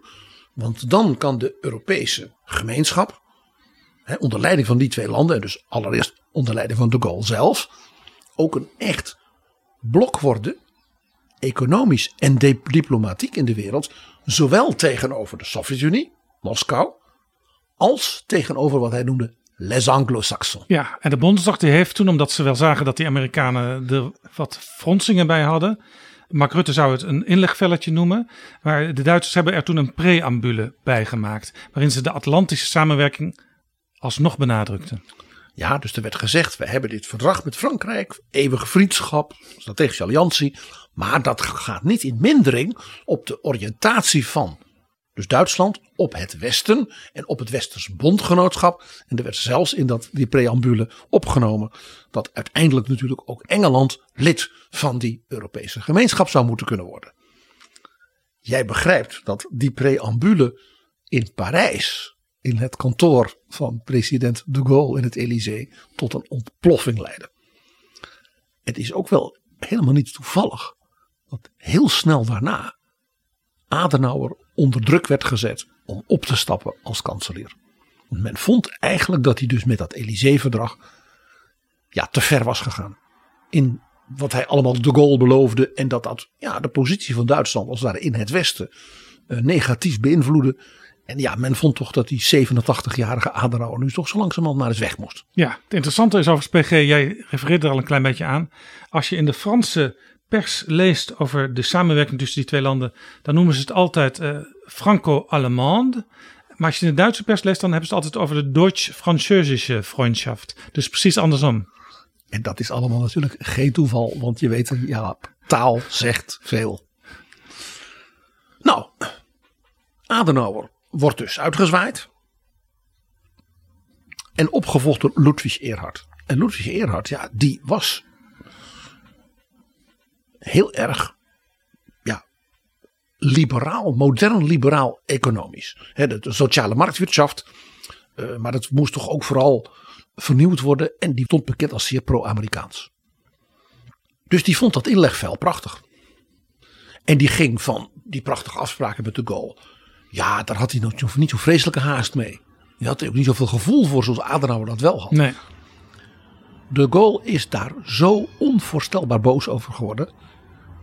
Laten we een klein stukje Charles de Gaulle laten horen, Jaap. L'Allemagne fédérale ne croit pas encore que la politique européenne, la politique de l'Europe, doivent être européenne et indépendante. Tegen een van zijn uh, belangrijkste jonge vertrouwelingen heeft de Gaulle toen over Duitsland en over Erhard het volgende gezegd. Dat heeft deze man in zijn boek vele jaren later, na de dood van de Gaulle, gepubliceerd. En ik lees het maar even voor. De Duitsers die gedragen zich als varkens. Ze onderwerpen zich volledig aan de heerschappij van de Angelsaksen. Ze verraden de geest van de Frans-Duitse verdragen. En daarmee bedriegen ze Europa. De Duitsers waren mijn grootste hoop. Nu zijn zij mijn ergste teleurstelling. Ongelooflijk. dus dit was anders dan het beeld vaak, hè? ook in ons land. Van die Frans-Duitse vriendschap die dan Europa zo dragend is. Dat ging dus niet allemaal meteen vanzelf. Dat had al in de jaren 50 met Adenauer zijn ups en downs. Nou, dit mag je ook wel een up en een down noemen. Eigenlijk pas na 1974 ontstond wat wij nu kennen als die Frans-Duitse as. Dat was in de tijd van bondskanselier Helmut Schmid en de Franse president Valéry Giscard d'Estaing. Die waren alle twee minister van Financiën geweest van hun land. En waren alle twee opvolgers van ja, zeg maar charismatische, iconische leiders. Schmid van Willy Brandt en Giscard natuurlijk van de Gaulle. Daar zat Pompidou nog tussen. Maar Giscard was de nieuwe generatie na de oude man de Gaulle. En als financieel deskundige waren zij ook al bezig met een voorloper van wat nu de euro is. Zij zijn begonnen met het ontwikkelen van wat wij zouden zeggen een monetaire unie. Die hebben gezegd wij zouden ook de centrale banken van Duitsland en Frankrijk, nou, Nederland eh, zou dan ook meedoen, de Beneluxlanden, die zouden met elkaar een soort monetair systeem moeten afspreken waarbij die munten elkaar als het ware in evenwicht hielden en daardoor dus ook steviger stonden. Daar speelde natuurlijk nog iets bij. Engeland was lid geworden van de Europese gemeenschap. Dus die Londense financiële wereld, die zat als het ware ineens in die Europese gemeenschap. Vanaf 1973. En die was natuurlijk belangrijk. En die had een rol op het wereldtoneel. Dus Frankrijk en Duitsland door die monetaire ontwikkeling zeg maar, op het Europese continent binnen de EEG bouwden daarmee ook een soort tegenwicht. En dat was toch weer heel gaullistisch tegen die Anglo-Saxische financiële macht. Ja, want de City die beschouwt zich, en dat is vaak ook nog terecht ook, toch als het financiële centrum van de wereld. En de Bundesbank in Frankfurt had zoiets van: ja, ze zitten er nu bij, daar zijn wij ook voor. Maar we moeten onze positie natuurlijk wel verstevigen dan. En dat hebben ze dus gedaan door het duo Schmid en Giscard. Een leuk idee, dat waren alle twee zeer uh, scherpe geesten en ook heel ja, modern opgeleid. Giscard en Schmid waren echt persoonlijke vrienden en die spraken met elkaar in het Engels. Eigenlijk waren zij dus hun tijd ver vooruit, want nu is dat vaak gebruikelijk om van welke taal je ook bent in het Engels te spreken. Dat was toen dus iets heel bijzonders werd dat gevonden. Dat een Franse president ook bereid was om in het Engels te spreken met dus een regeringsleider van een ander land. Maar dat kwam omdat Giscard zei, ja ik spreek net zo goed Engels als ik Frans spreek. Dat was in die tijd heel bijzonder. Dus dat duo uh, Schmid-Giscard, dat dus tot Giscard in 81, dus na zeven jaar als president geen tweede termijn won, heeft dus een lange periode van stabiliteit in gang gezet. Waardoor die as ook echt heel stevig werd. En natuurlijk ook een periode was dat uh, Europa door een diepe ook economische crisis ging.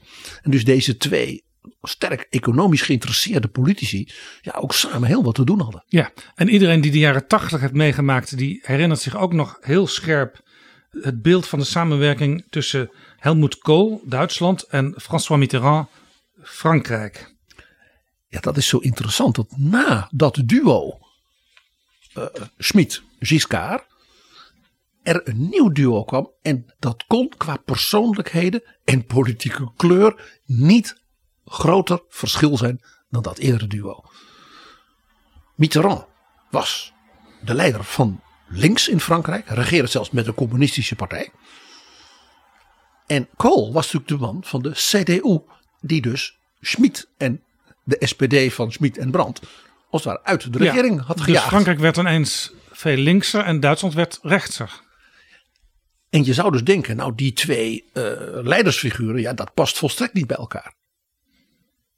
Dat was een grote verrassing dat die twee eigenlijk meteen het heel goed konden vinden, zowel persoonlijk als strategisch. En daar is een heel bijzonder moment in de Frans-Duitse geschiedenis geweest, namelijk januari 1983. Want toen vierden de Fransen en de Duitsers de 20ste verjaardag van dat Élysée-verdrag van de Gaulle en Adenauer. Helmut Kohl was toen net bondskanselier. Dat was hier oktober geworden. En in januari kwam president Mitterrand naar Bonn. Dus hij kwam naar de Bondsdag toe, wat ook een enorm gebaar was van de Franse president. En zou de Bondsdag toespreken ter gelegenheid van dat jubileum. En er kwam nog iets bij, dat was vlak voor de Bondsdagverkiezingen. Dus het was ook nog meteen een onderdeel, zou ik zeggen, van de politieke strijd tussen de CDU van Kool en de SPD. Want Kool kreeg dus ineens steun, zou je kunnen zeggen, van eh, de Franse socialisten. Ja, de Franse socialistische president Mitterrand kwam in die speech twee dingen zeggen. Eén, de Frans-Duitse samenwerking, zoals die, zich heeft ontwikkeld de voorbije jaren, dat is de absolute bodem voordat Europa een succes wordt. En ik ben als Franse president dus speciaal naar Bonn gekomen om u te vertellen, u heeft als Duitsers hier een hele grote verantwoordelijkheid en we moeten het echt samen doen. En twee, en dat was de grote verrassing, hij zei ik steun de Duitse regering, zowel die van mijn vriend Helmoet Schmid van hiervoor, als nu Helmoet Kool, als het gaat om de kernbewapening en de kruisraketten tegenover de Sovjet-Unie. Wij Fransen steunen hier volledig Duitsland. En we zullen ook samen tegenover de Sovjet-Unie uh, staan. En hopen dat er dan onderhandelingen kunnen komen. Dat die raketten dus weggaan. Ja, dat is al heel wat voor Frankrijk. Want die raketten werden vooral ook als een Amerikaans project gezien. En dat Frankrijk Duitsland daarin steunde was bijzonder. En daar kwam nog iets bij. In die Bondsdag zat natuurlijk een fors deel van, ik zal maar zeggen, de partijgenoten van Mitterrand in Duitsland. De SPD. En die hadden dus Helmoet Schmid het leven zo zuur gemaakt. Op juist dat punt. En dan moet je denken aan mensen als Oscar Lafontaine. Nu een van de mensen, nog altijd in Duitsland in de politiek, van die linken. Ja, een maar, hele andere partij. Maar ook Willy Brandt, die nog altijd partijvoorzitter van de SPD was en op dit punt het niet eens was met Helmut Schmid. Dus François Mitterrand zei openlijk: ik steun Kool. En ik steun die vleugel zeg maar, van de SPD, die op dit punt het beleid van Helmut Schmid trouw blijft. Ja, je weet nooit precies hoe- hoeveel invloed zoiets heeft. Maar wat we wel kunnen constateren is dat Helmut Kool herkozen werd. En een klinkende verkiezingsoverwinning haalde. Helmut Kool is François Mitterrand tot zijn dood hier natuurlijk ongelooflijk dankbaar voor geweest. Want dat was zeer moedig van de Franse president. Ja, dus die twee hadden echt een strategische alliantie. Zoals de Gaulle, die met Adenauer ook had geprobeerd op te bouwen. En wat hè, dus die twee oude mannen ook in hun tijd was gelukt. Eh, En een heel belangrijk ding, wat natuurlijk Helmut Kool heeft gedaan. Die heeft onder andere Margaret Thatcher ervan overtuigd. om in te stemmen, zelfs enthousiast in te stemmen. met de benoeming van Jacques Delors als president van de Europese Commissie. Die benoeming was natuurlijk de grote doorbraak naar een nieuw, veel aanpakkeriger, minder eurosclerose en echt succesvolle EU. En zoals die uiteindelijk in het verdrag van Maastricht tot stand is gebracht. Ja, en interessant, we hebben het natuurlijk al wel eens uitgebreid over gehad. eh, PG Delors was een idealist, maar hij was ook heel pragmatisch. Dus ja, op een sleutelmoment in de Europese geschiedenis kun je eigenlijk geen beter hebben dan Jacques Delors als president van de Europese Commissie. Het beroemde verhaal is dat mevrouw Thatcher zei. Nou, chancellor tegen Helmut Kohl. He's a socialist. And he governs with the communists. Ja, met, met die Mitterrand. En waarop Kohl heeft gezegd. Mevrouw Thatcher. Kijk vooral wat hij doet in Frankrijk. Hij heeft al die linkse plannen. En al die communistische voorstellen. Die heeft hij allemaal geschrapt. Hij heeft de Franse economie een turnaround laten maken. Die wij niet voor mogelijk hielden. Daarmee had hij de steun van president Mitterrand. En ja, het is een Franse socialist. Maar ik ken hem ook uit de katholieke arbeidersbeweging. Hij is eigenlijk een man van het Rijnlandse model. Zoals wij in Duitsland dat kennen. Dus mevrouw Thatcher, he is sound. En mevrouw Thatcher heeft zich toen door Helmut Kohl laten overtuigen. En later, zoals je weet, heeft ze Delors ooit eens the cleverest man in Europe genoemd. Een grote compliment uit haar mond was natuurlijk niet te bedenken. Daarmee had dus het duo Kohl-Mitterrand als het ware een hele nieuwe kwaliteit gegeven. Een nieuwe fase, maar vooral ook een nieuwe kwaliteit aan die Frans-Duitse as en samenwerking. Dit is Betrouwbare Bronnen. Toen Mitterrand weg was en Kohl uiteindelijk ook, toen is er weer een nieuwe stap gezet in die samenwerking. Ja, toen kreeg je het duo Jacques Chirac en Gerhard Schröder. En van Schröder weten wij, die heeft een keer een groot interview gegeven aan een Franse krant.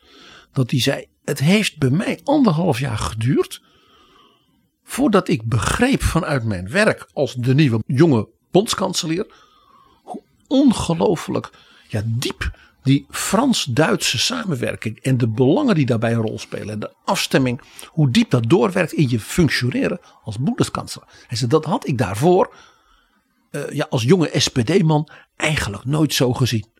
Dus dat heeft even geduurd. Maar ja, Chirac en ik, wij begrepen elkaar behoorlijk goed. Dus daardoor ontstond er toch weer zo'n intensieve relatie.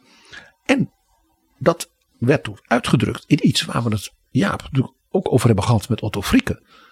Het zijn Chirac en Schreuder geweest die die gezamenlijke kabinetsvergaderingen van Frankrijk en Duitsland zijn begonnen. Ja, die dus, dus uitgesteld zijn. Voor het eerst in de geschiedenis dat de Franse president zegt, nou schrap maar. Ja, en dat je dus aan elkaar moet wennen als nieuweling in dat ambt.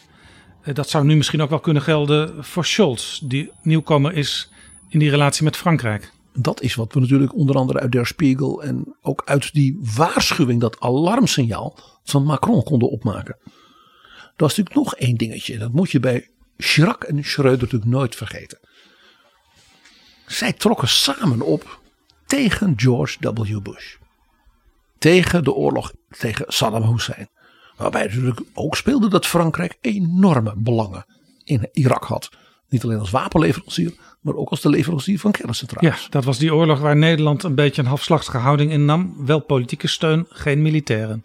Maar Duitsland en Frankrijk zeiden gewoon: wij doen er niet mee. En dat zeiden ze luid. Heel luid. En dat lieten ze ook zien en ze straalden dat ook uit.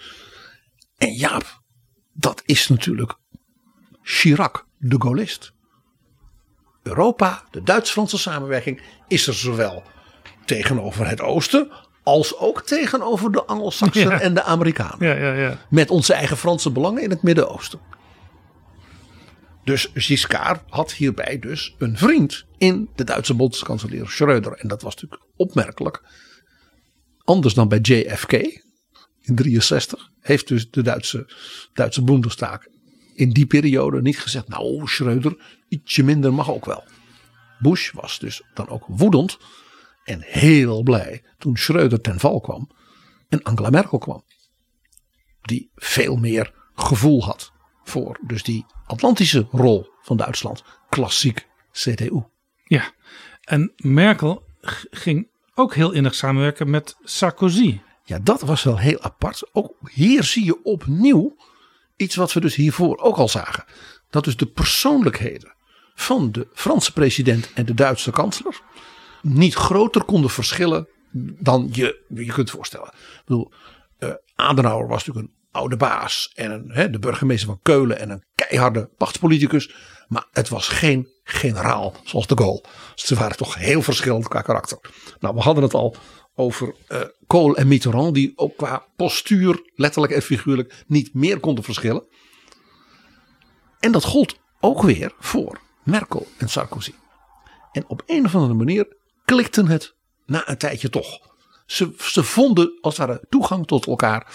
En eh, Merkel die eh, op een bepaald moment wist ze ook hoe Sarkozy een beetje in elkaar zat. Dat hij van die oprispingen had. En dat hij een beetje, een beetje, beetje luid was. En een beetje eh, eh, nogal dynamisch zoals dat heet.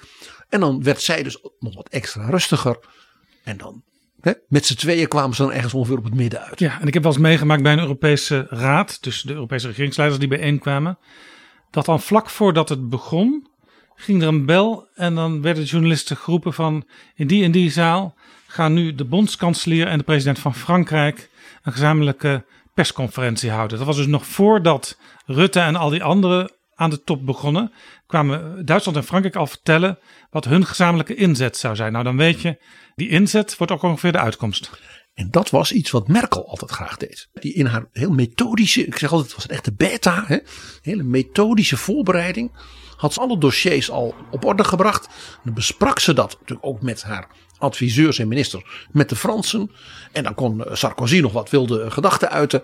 En dan kwamen ze eruit. En dan zei ze, laten we dat maar meteen naar buiten brengen. Dan weet iedereen waar hij aan toe is. Dan stralen we ook zekerheid uit, rust en gezag. En daardoor, het is door die manier van werken, dat dus eigenlijk in die tijd er een soort wending merkbaar was. Het was tot dan toe altijd zo geweest, Otto Frieke sprak er ook over, dat de Duitsers zeiden ja, Führungskraft, hè, leiderschap, moeilijk, moeilijk, moeilijk. Duitsland moet een beetje bescheiden, een beetje zich terugtrekken. Ja. En Merkel, doordat ze zo aan de ene kant zo ingetogen was, ook altijd zo rustig, ook een zekere bescheidenheid in haar optreden had, kon daardoor juist die krachtige leidersfiguur worden. Juist omdat zij het niet van de daken schreeuwde. Juist ook omdat zij vaak in eerste instantie wat afwachtend was. En uiteindelijk wel wist, nu moeten we langzamerhand de knoop doorhakken. Kon zij die rol spelen. En werd ze op een bepaald moment gewoon de leader of the free world genoemd. Helemaal natuurlijk in de tijd van Donald Trump.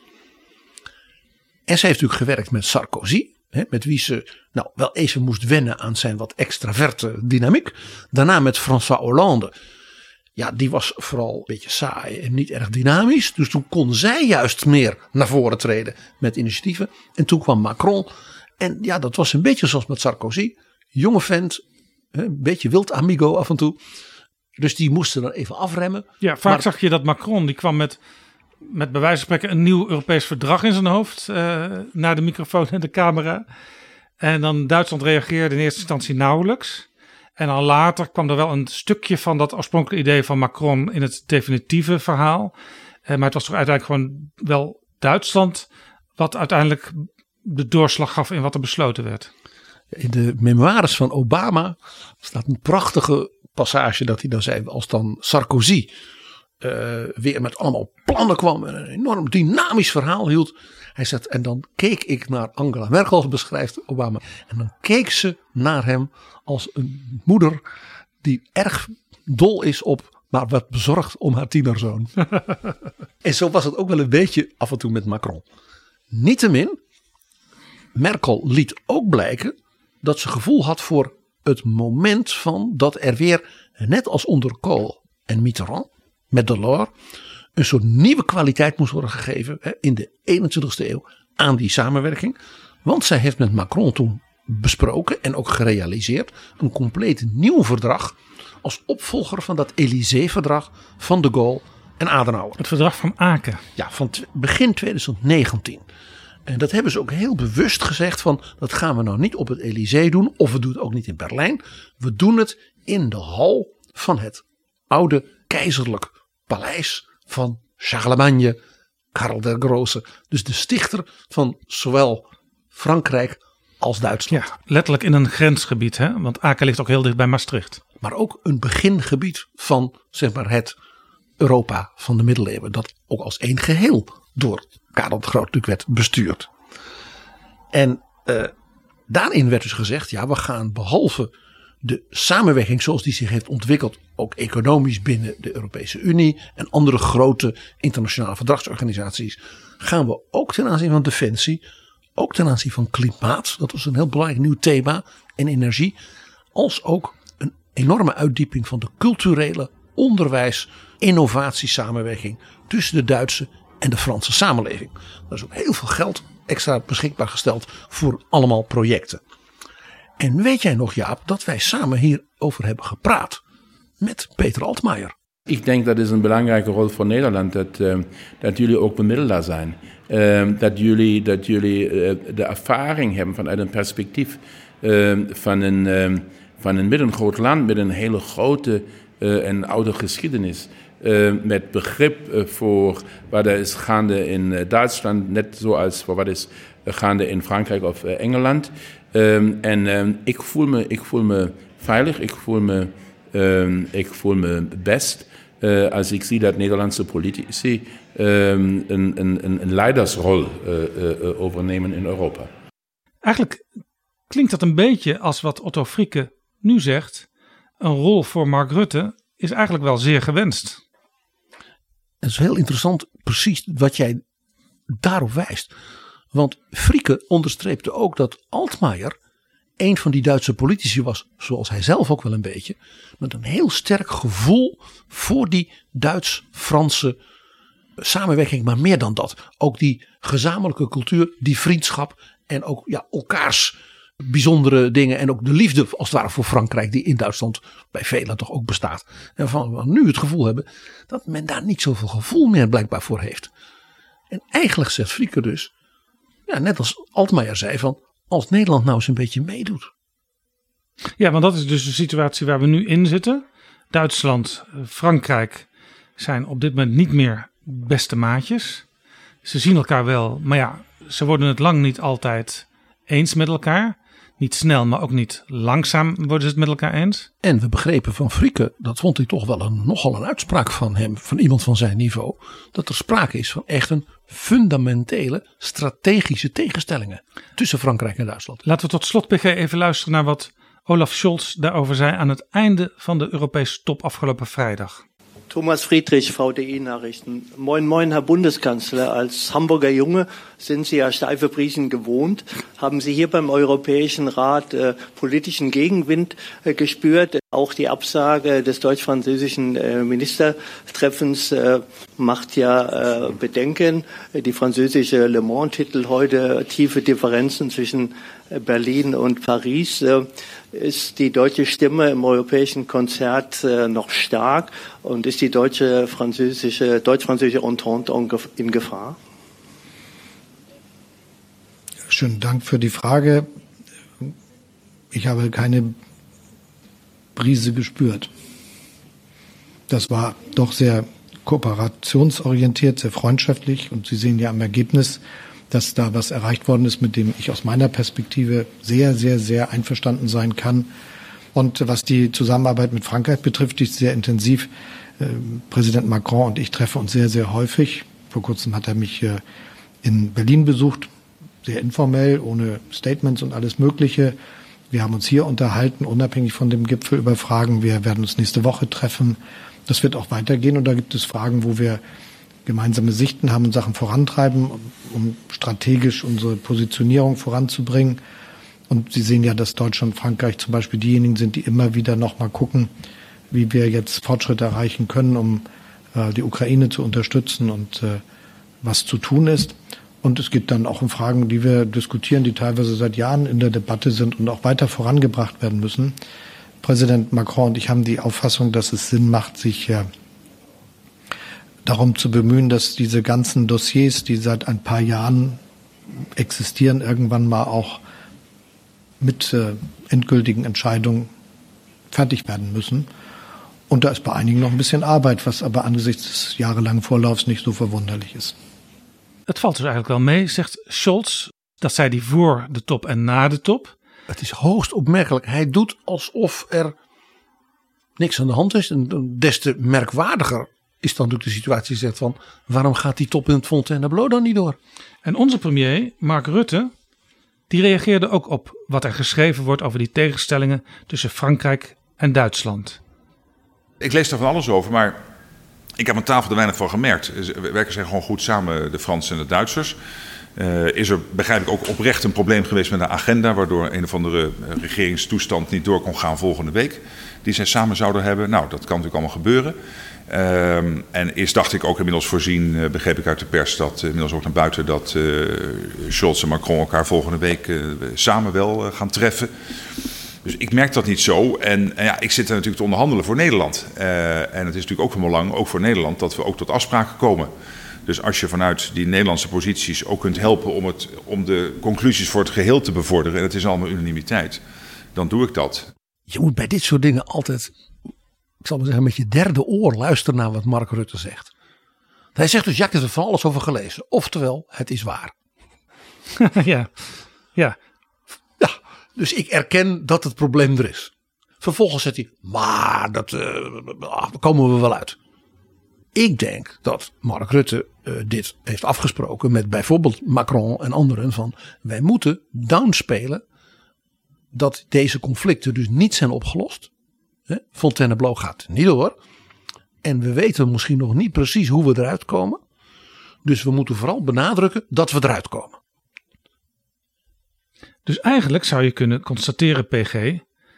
Rutte oefent al een beetje voor de rol die Otto Frieke hem graag ziet spelen. Namelijk in de driehoek met Duitsland en Frankrijk een rol voor Nederland. En ik denk dan wel eens, ja, dat dat vergelijkbaar is met de rol die wij toen met Altmaier bespraken. Dat waren, weet je, Wopke en de Zeven Dwergen. Dat die zei, ik ben juist blij als Nederland en een paar van die hoogontwikkelde, ook Scandinavische landen, met elkaar in Europa een nadrukkelijke rol spelen. Waarbij ze dus tussen en naast Frankrijk en Duitsland een stukje evenwicht en misschien ook een paar nieuwe signalen en impulsen mogelijk maken. Zodat we er uiteindelijk met z'n drieën wel weer uitkomen. PG, dankjewel voor dit gesprek.